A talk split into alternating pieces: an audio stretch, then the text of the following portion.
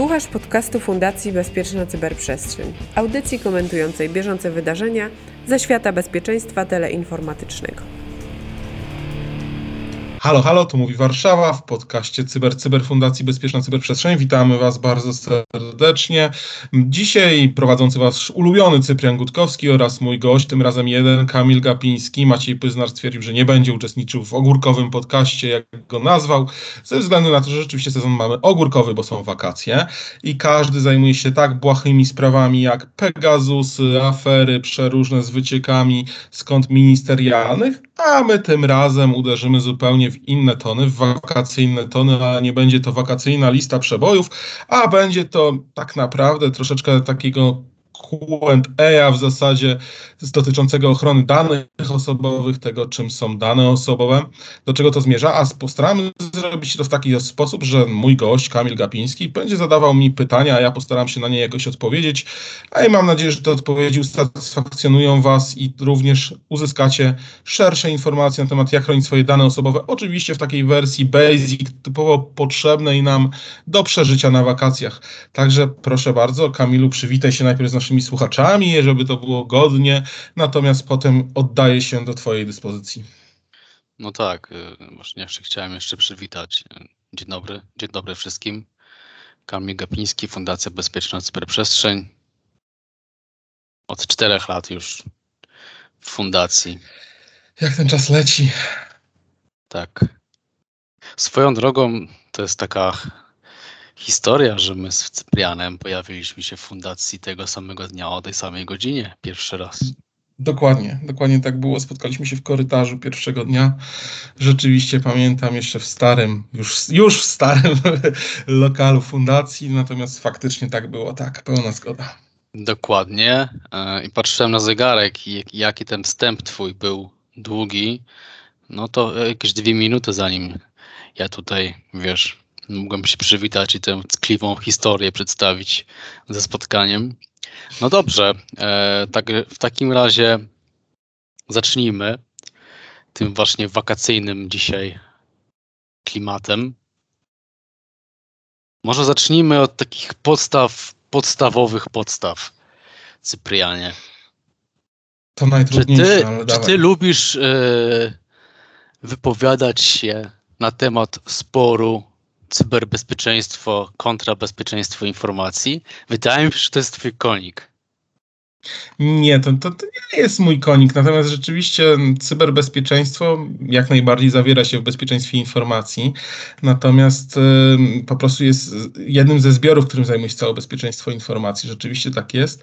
Natomiast ja za bardzo tutaj nie chcę, nie chcę tego rozwijać, może, może inaczej, nie tak, że nie chcę tego rozwijać, ale jest to, samo bezpieczeństwo informacji dotyczy również stricte ochrony i fizycznej, y, sytuacji zadań czystego biurka, czystego ekranu, chociaż to już też wchodzi trochę w cyberbezpieczeństwo, jeżeli spojrzymy na czysty ekran. Czyste biurko może nie do końca, ale też każdy, kto pracuje w cyberbezpieczeństwie, wie, że to czyste biurko również jest bardzo istotne, czy czysty wydruk. Po prostu bezpieczeństwo informacji jest dużo szersze. Bezpieczeństwo informacji zajmuje się e, między innymi cyberbezpieczeństwem, bezpieczeństwem fizycznym. To są, to są tego rodzaju zagadnienia, które mieszczą się w bezpieczeństwie informacji. Świetnie. Wydaje mi się, że to odpowiedź na szóstkę z minusem. Ten minus to na tak na, na, za, na, zachętę ten minus tak ci dałem. Celujący zatem. E, a zapytałem o to, gdyż ponieważ no właśnie chcemy trochę porozmawiać o bezpieczeństwie naszych danych. No i teraz e, Cyprianie, kolejne takie wprowadzające zagadnienie dane osobowe czy dane wrażliwe?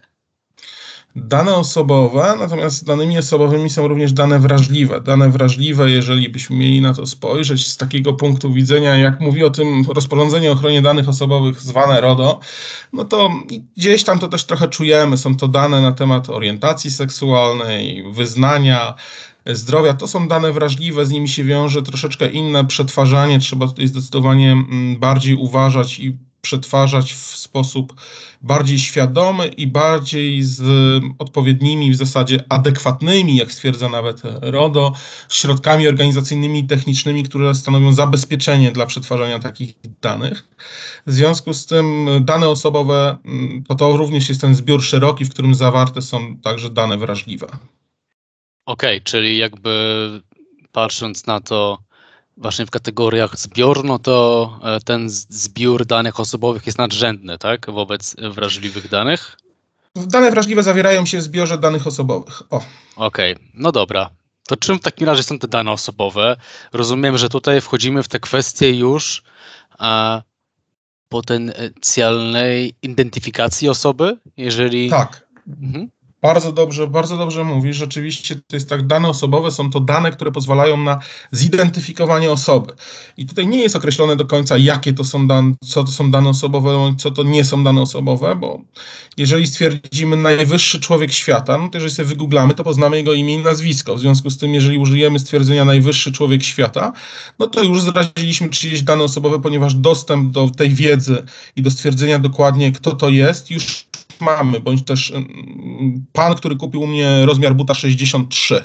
Tak, no więc gdzieś to jest też człowiek, który jedyny ma taką nogę na świecie i gdzieś można to sprawdzić dość łatwo i wiadomo, że w ten sposób podaliśmy dane osobowe, więc nawet te dane osobowe w takiej najbardziej skrajnej, absurdalnej może trochę postaci, to może być nawet rozmiar buta. Nie jesteśmy w stanie tego rozdzielić w czysty sposób, że dane osobowe to będzie imię, nazwisko, mail, adres zamieszkania, dane o zdrowiu i tak dalej. No nie, to, to nie jest takie proste, to jest dużo bardziej skomplikowane. I faktycznie może się zdarzyć, że zdradzając pewną jedną cechę szczególną, która jest po prostu bardzo ogólna, jak rozmiar buta już wspomniany, tak naprawdę zdradzamy czyjeś dane osobowe, bo tylko jedna taka osoba istnieje na świecie, bądź istnieje ich kilka, tylko jedna mieszka w Polsce, więc to też byłoby dość łatwe do sprawdzenia, że to jest ta jedna osoba, załóżmy z Polski, skoro kupowała je u mnie, a nie ktoś, kto mieszka w Indonezji i w życiu z tej Indonezji nie wyjeżdżał. Okej, to wydaje się e, wszystko jasne gwoli takiego e, przypomnienia. Naszego podcastu słuchają e, głównie patrząc na komentarze czy w branży, słuchając czasami opinii, głównie eksperci cyberbezpieczeństwa i no, tematyki IT generalnie.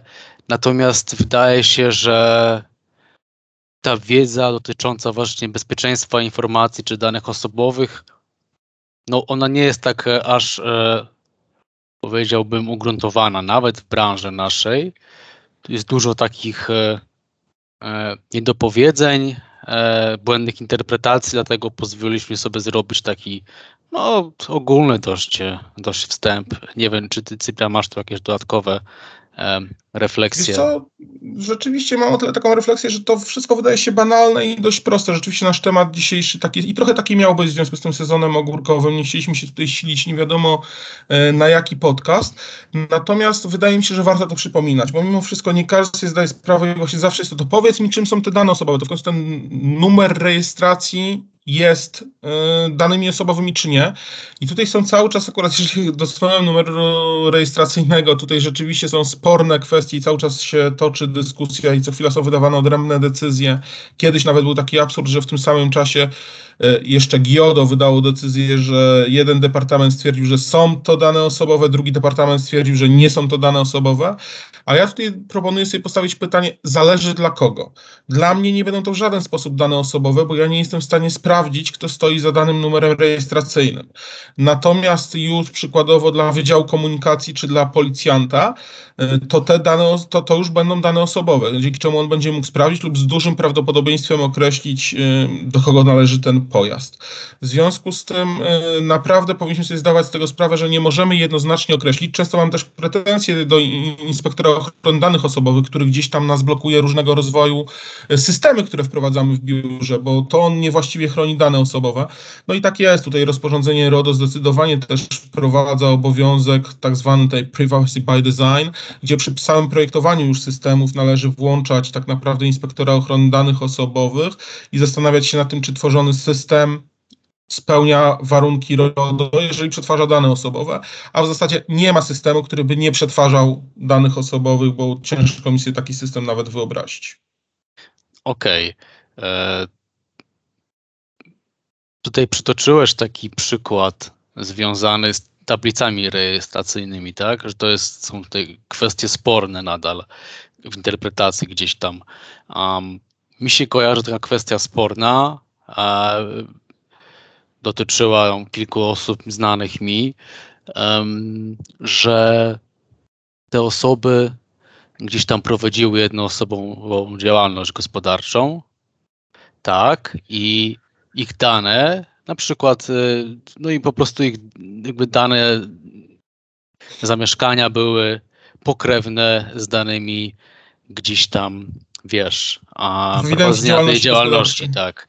No i hmm. tych danych normalnie oczywiście na stronach tych administracji rządowej, no nie pobierzesz tych danych, tak, one nie są jakby, e, wiesz, w taki prosty sposób się do nich nie dostaniesz, ale są strony internetowe, są usługi, które po prostu listują takie przedsiębiorstwa, znaczy wszystkie przedsiębiorstwa, w tym i tych przedsiębiorców, tak, więc taka osoba gdzieś tam może być łatwo zidentyfikowana, wiesz, po tych y, właśnie usługach. I tutaj mi się taka kolejna kontrowersja w interpretacji e, tych tematów około rodowskich e, gdzieś tam kojarzy. Pewnie jest więcej takich przykładów, tak? Tak, podałeś dokładnie też przykład tego, gdzie mamy całkowity spór w doktrynie i całkowite mm, zamieszanie, co można, czego nie można robić z danymi, które są ogólnie dostępne w różnego rodzaju rejestrach działalności gospodarczej.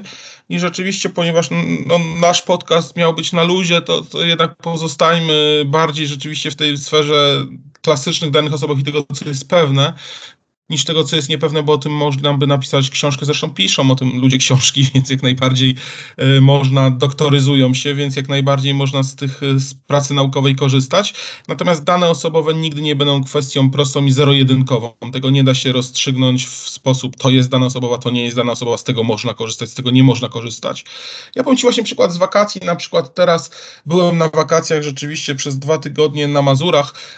Y, stać mnie, a jak, nie musiałem za granicę. Byłem w Polsce na Mazurach na wakacjach i jest taka plaża, e, która mm, nad jezioro jest dojściem. Oczywiście dojście jest dostępne dla wszystkich, ale ponieważ o tą plażę dbają tam mieszkańcy kilku alejek takich działkowych, rekreacyjnych, z których jest dostęp do tego jeziora, postanowili tam założyć kamerę właśnie. Oczywiście jasno określić, że to będzie teren monitorowany.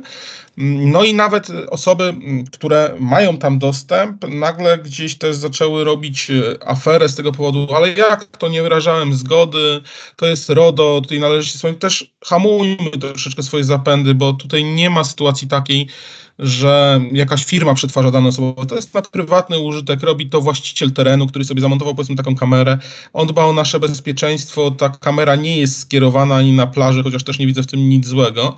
Pewnie tutaj najbardziej gdzieś tam oburzały się panie, ale moim zdaniem też bezpodstawnie. Ona była skierowana dokładnie tylko i wyłącznie na wejście filmowe, kto wjeżdża, kto wchodzi, jak to wygląda, żeby zapewnić w jakiś sposób bezpieczeństwo i nie miał to żadnych celów związanych z działalnością gospodarczą, z prowadzeniem biznesu. W związku z tym tutaj to osoba prywatna i całkowicie, jeżeli była informacja, że teren jest nagrywany, teren jest terenem prywatnym, e, no to nie widzę tutaj żadnego problemu. Tamte osoby jedynie korzystały ze służebności gruntowej, że mogły przechodzić poprzez ten grunt nad to jezioro, to ja nie widzę tutaj żadnego problemu i nie powinniśmy się oburzać w wielu sytuacjach, bo jeżeli dane są wykorzystywane prywatnie, to jest to całkowicie zgodne i nie ma tutaj żadnych podstaw do korzystania z RODO.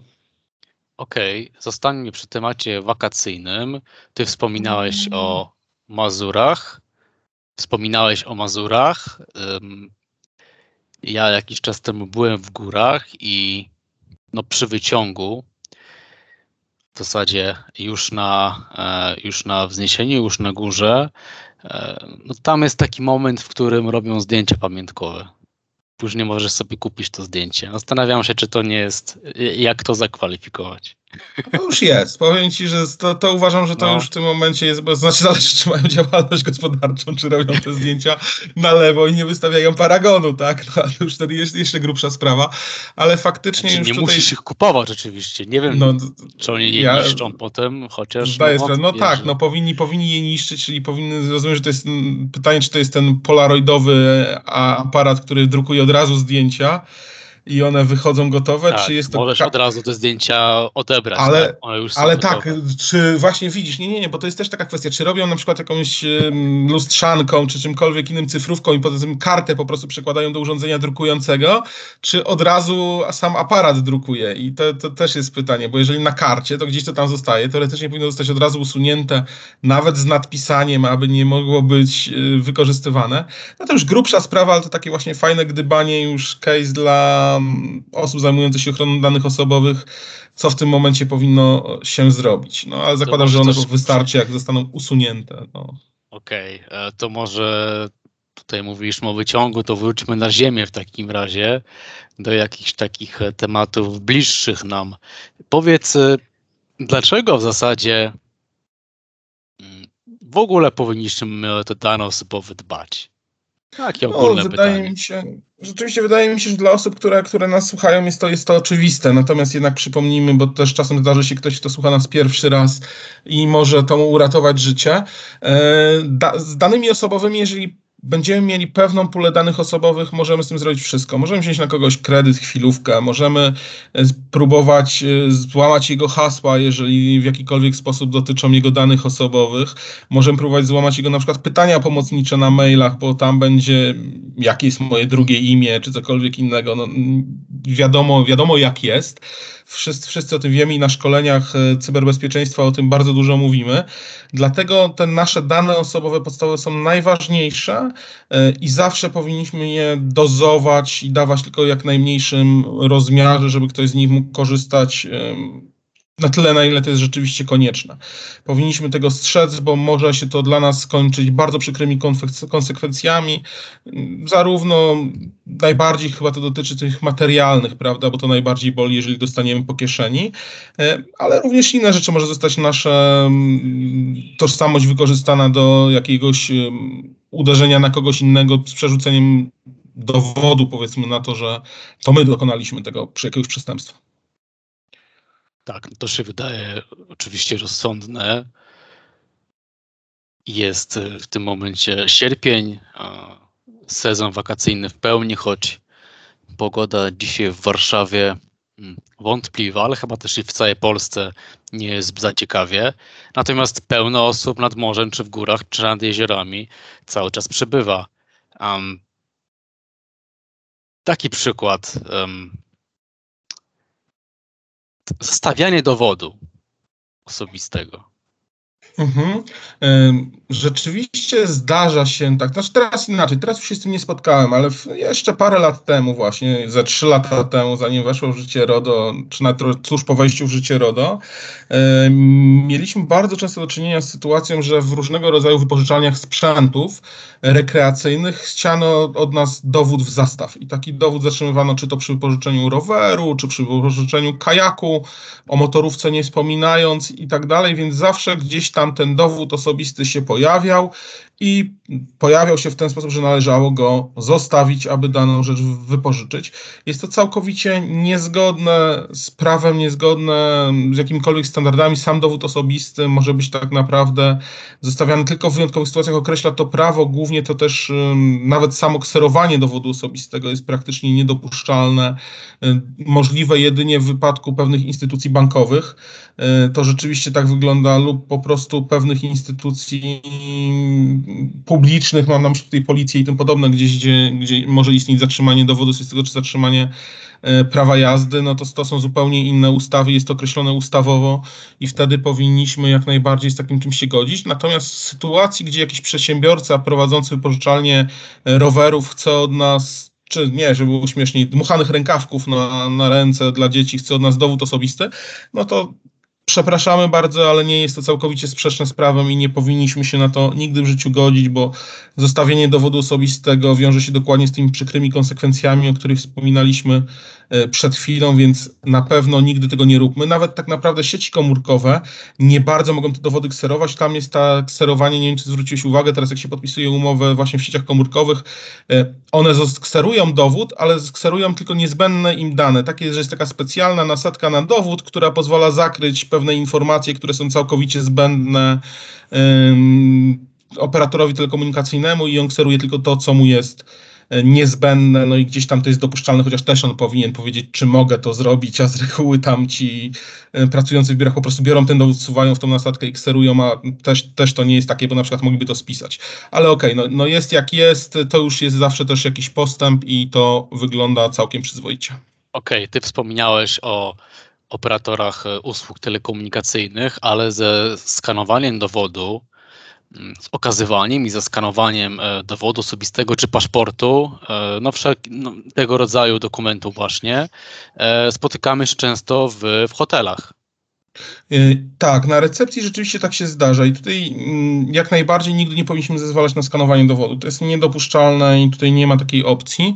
Możemy natomiast pozwolić na okazanie dowodu dla potwierdzenia danych, które podaliśmy pani w recepcji. Oczywiście zarówno dla tej pani, jak i często dla nas wygodniej jest po prostu położyć dowód, żeby ona spisała. No to kwestia tego, kto, kto co woli dla swojego bezpieczeństwa i jak woli to traktować, ale ogólnie powinny jej wystarczyć informacje, które przekazujemy jej ustnie i ewentualnie pokazać po prostu dowód osobisty, e, z którego ona potwierdzi te informacje, które podaliśmy, że są one e, prawdziwe.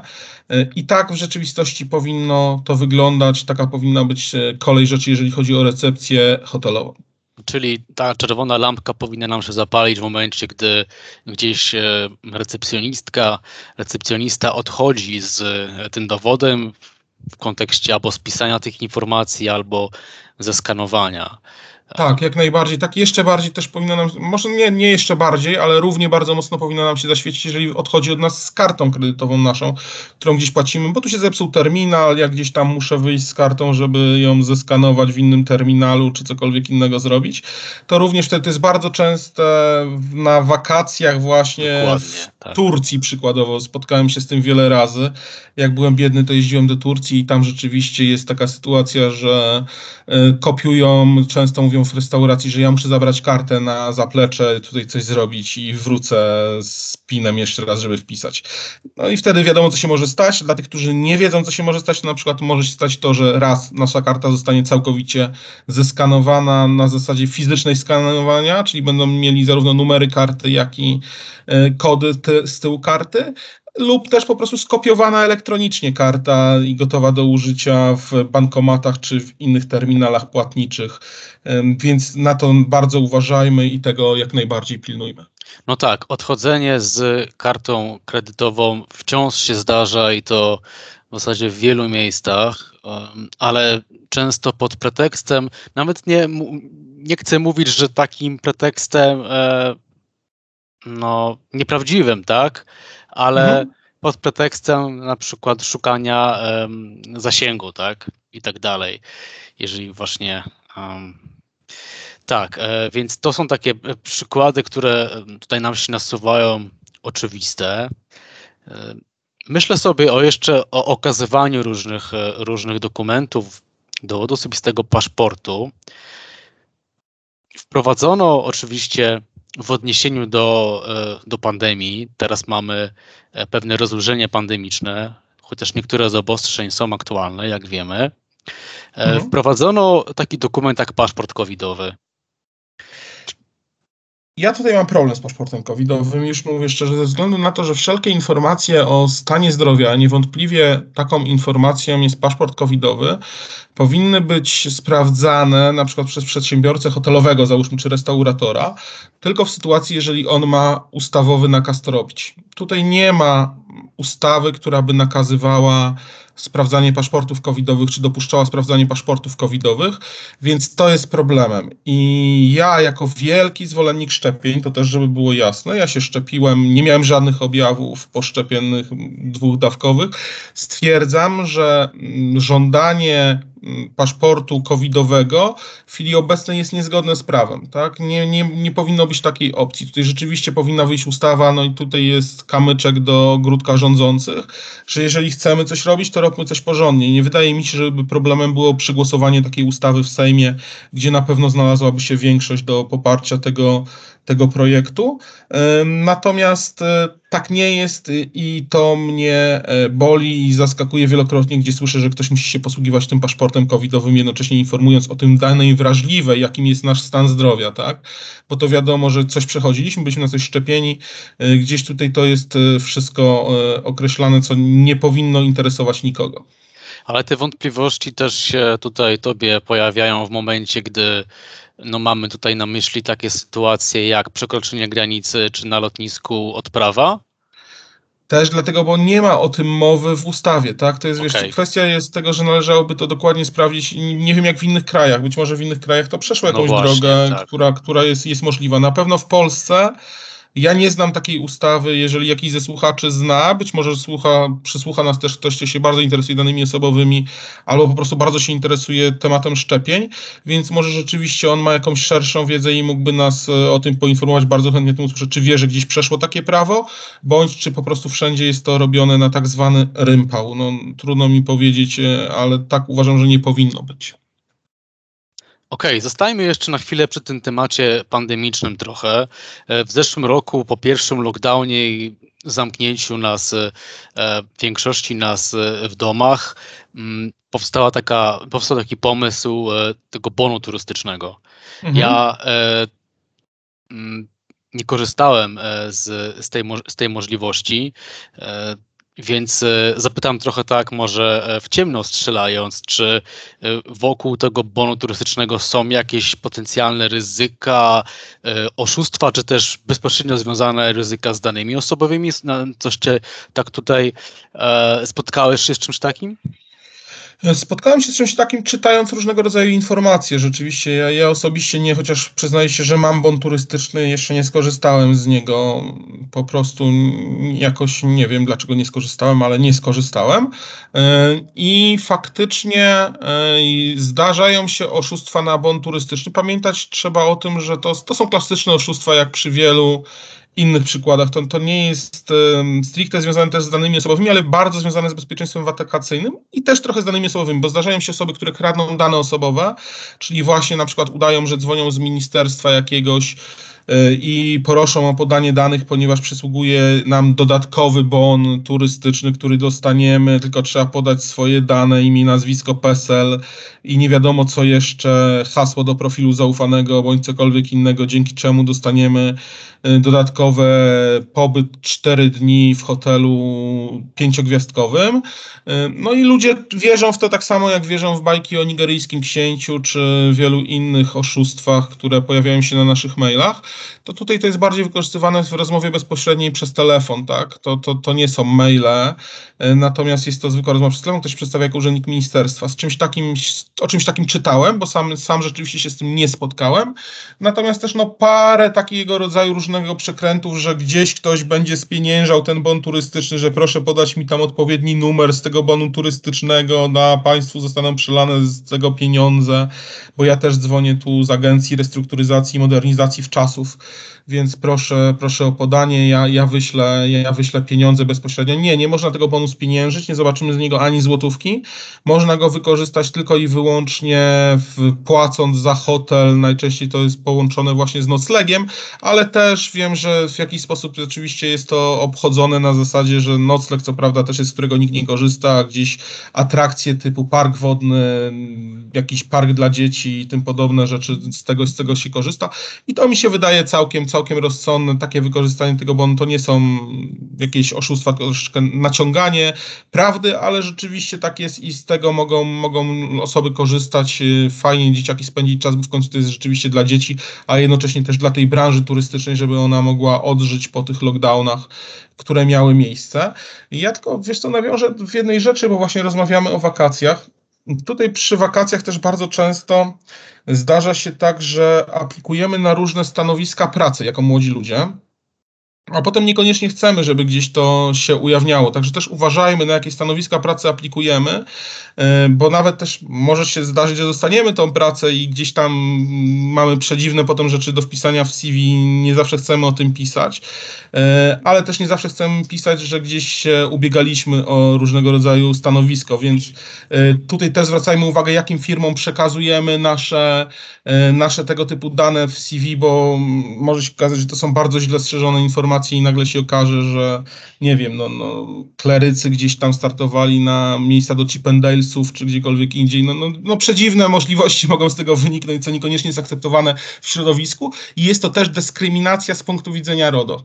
Tak, to też jest ciekawe, że takie przetwarzanie danych, które są źle chronione, jeżeli chodzi o takie właśnie prace wakacyjne, e, one bardzo często są e, właśnie jako dyskryminacja według e, RODO uważane, że w ten sposób taka osoba została zdyskryminowana, bo zagraża to jej późniejszemu rozwojowi, zagraża to jej awansowi w pracy, załóżmy normalnej, czy chociażby wyrzuceniu z jakiejś uczelni, na której, w której jest to niedopuszczalne, w której jest, tam są jakieś zasady, które nawet nie są spisane, a są jakimiś zasadami kulturowymi, które są przestrzegane dość, e, dość surowo, mimo tego, że nie są spisane fizycznie. Tak. Okej, okay, to jest e, to jest bardzo ciekawy kierunek rozważań w kierunku RODO. Załóżmy jednak, że nie jedziemy do pracy e, nad morze, tylko jednak na mhm. te czasy, że wszystko na razie się udaje, że nikt nie chciał skanować, spisywać danych e, wszystkich z naszego dowodu osobistego, E, że nikt nie chciał nas oszukać e, i wykorzystać naszego bonu turystycznego, albo po prostu e, wkręcić nas w jakąś dziwną sytuację, już udaje nam się przejść przez ten próg hotelowego pokoju. Um, wrzucamy tutaj torbę gdzieś na podłogę, jak to zwyczajowo.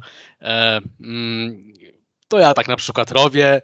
Sprawdzam, ja jak e, e, miękkość e, łóżka, tak, czy jest, czy jest wygodne. No i akurat to nie jest mój scenariusz, ale zakładam, że jest to scenariusz wielu osób.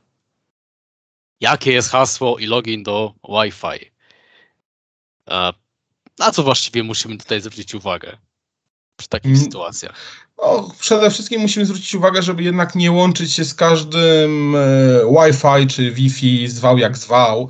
E, mm, tak. Natomiast e, rzeczywiście w telefonach powinniśmy mieć ustawione mm, to, żebyśmy sobie wybierali, z jaką siecią chcemy się połączyć. Nie powinniśmy łączyć się z wszystkimi sieciami ze względu na to, że chociażby ktoś może sobie postawić jakiegoś fałszywego access pointa, dzięki któremu, nawet to nie hotel, który chce nas oszukać i chce sprawdzać, jakie, gdzie my tam chodzimy, po jakich stronach i jakie powiedzmy są hasła do bankowości, e, tylko ktoś postawił specjalnego access pointa i ma na tyle silny zasięg, że zbiera te komórki, na przykład właśnie przy dobrych hotelach jestem w stanie sobie wyobrazić, bo że przestępcy są w stanie postawić takiego access pointa, bo zobacz, mamy hotele rzeczywiście nad całym morzem, gdzie wiadomo, że przyjeżdżają bogaci ludzie, no bo tam te apartamenty są dużo droższe niż te całe w czasy zagraniczne za dobę, to więc prawda. to więc y, wiadomo, że tam są pieniądze. Skoro tam są pieniądze, możemy ryzykować i wiemy, że to nie jest jedna osoba, tylko tam będzie mieszkało za jednym zamachem kilkadziesiąt osób.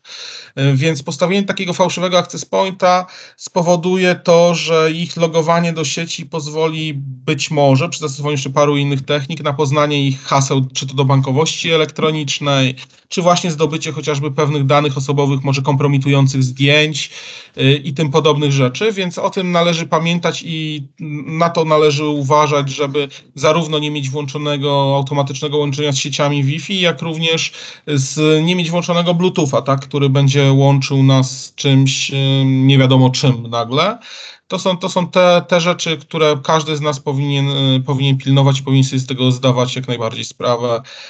I myślę, że większość osób chyba tak robi, chociaż to hotelowe Wi-Fi rzeczywiście jest takie, że szukamy tego hasła jak najbardziej. Ono najczęściej jest napisane na toaletce gdzieś tam, z tego co, co ja kojarzę, pokoje hotelowe, to gdzieś tam przy telefonie czy przy toaletce jest to hasło, z którego, z które można e, sobie wpisać do telefonu. No to już jest wasza kwestia, czy ufacie hotelowi, czy nie. Ja nie ufam, tak. No tak, tutaj oczywiście kwestia bankowości to um, e, ten ruch zazwyczaj jest szyfrowany, więc e, gdzieś tam e, to bezpieczeństwo e, jest zawsze trochę wyższe, ale mhm. ale jak jesteśmy w Polsce, no to w zasadzie oprócz chyba skrajnych przypadków chyba nie potrzebujemy z tym siecią się łączyć, jeżeli możemy mieć internet od naszego operatora tak naprawdę. Ja powiem Kamil więcej. Wydaje mi się, że nawet jak jesteśmy za granicą, to 100 razy lepiej jest pójść kupić kartę sobie SIM y, prepaidową, którą będziemy mieli, bo to są tanie rzeczy, nie oszukujmy się, a z reguły tam jest internetu dość sporo. Może nie mamy na rozmowy i na inne, ale mamy na internet, bo jest tam parę giga tego internetu i możemy sobie spokojnie z takiej karty SIM miejscowej korzystać po włożeniu do naszego telefonu komórkowego. Nie ma z tym żadnego problemu, nie potrzebujemy żadnego specjalnego hasła do Wi-Fi, tylko po prostu za grosze, bo te karty kosztują grosze, tak jak w Polsce właśnie, no 10 zł sobie kupujemy kartę, gdzie tam mamy 10 giga internetu, no to nie jesteśmy w stanie tego przejeść po prostu przez ten czas wakacji, który mamy, więc zawsze z tego korzystajmy. Nie e, korzystajmy z tych sieci publicznych, ogólnie dostęp, ogólnodostępnych ze względu na to po prostu, że to się może okazać, że wcale nie zaoszczędzimy, a możemy bardzo wiele Możemy na być tym podsłuchani po prostu, tak? Możemy. Możemy być podsłuchani. Yy, oczywiście lubimy jeździć w fajne miejsca, lubimy chwalić się naszym życiem. Zdecydowanie. Znaczy, kto lubi, ten lubi, tak? Ale gdzieś tam publikując e, zdjęcia w internecie z wakacji, chyba też narażamy się na pewnego rodzaju ryzyko. Oczywiście, że tak. Po pierwsze, znów możemy zdradzić e, jakieś dane osobowe, to jest jedna rzecz, gdzie, gdzie to może wypłynąć, a po drugie pokazujemy wszystkim wszem i wobec, że jesteśmy na wakacjach, tak? Jeżeli mamy ustawione załóżmy na naszych mediach społecznościowych ogólnodostępną informację dla wszystkich, publikujemy takie zdjęcie, bo jeżeli mamy dla swoich znajomych, to pal 6, ale też bardzo uważajmy na tym powodzie. Bardzo uważajmy, bardzo uważajmy, bo to może być bardzo groźne. Natomiast y, jeżeli chodzi o te wszelkie ustawienia mediów społecznościowych, powinniśmy zwracać uwagę na jak największą prywatną prywatną rzecz, którą, y, którą mamy i tego, tego, tego się trzymajmy, ta nasza prywatność jest najważniejsza. Nie pozwalajmy, żeby zbyt wiele osób widziało, gdzie jesteśmy, co robimy, bo chociażby kinetycznie przestępcy będą mieli do nas dostęp i będą mogli wiedzieć, że w tym momencie nie ma nas w domu, bo jesteśmy w Chorwacji, no to znaczy, że tego wieczora do, do chałupy nie wrócimy, w związku z tym można spokojnie do niej wejść. No i to jest, wydaje mi się, dość e, dobra konkluzja tych kilku porad e, wakacyjnych. E, zahaczyliśmy też o jednak zahaczyliśmy też o bardziej eksperckie tematy podczas tego e, podcastu, więc chyba zachowaliśmy jakąś równowagę merytoryczną. E, dla każdego mm, coś e, dobrego. E, No cóż, pozostaje życzyć chyba co? Bezpiecznych e, wakacji e, i ładnej pogody naszym słuchaczom Tak, stałym tak. i nie rzeczywiście. stałym. Życzymy Wam wszystkiego dobrego, wypoczywajcie, wróćcie zwarci, silni i gotowi, bo trzeba się chyba przygotować na ten kolejny lockdown. Tak wygląda sytuacja, przynajmniej nas tym straszą. Więc właśnie. korzystajmy dopóki możemy. Słuchajcie. Dziękujemy wszystkim w takim razie. Dzięki, Moim do rozmówcą zobaczenia, do był usłyszenia. Cyprian Gutkowski, ja jestem Kamil A- Gapiński.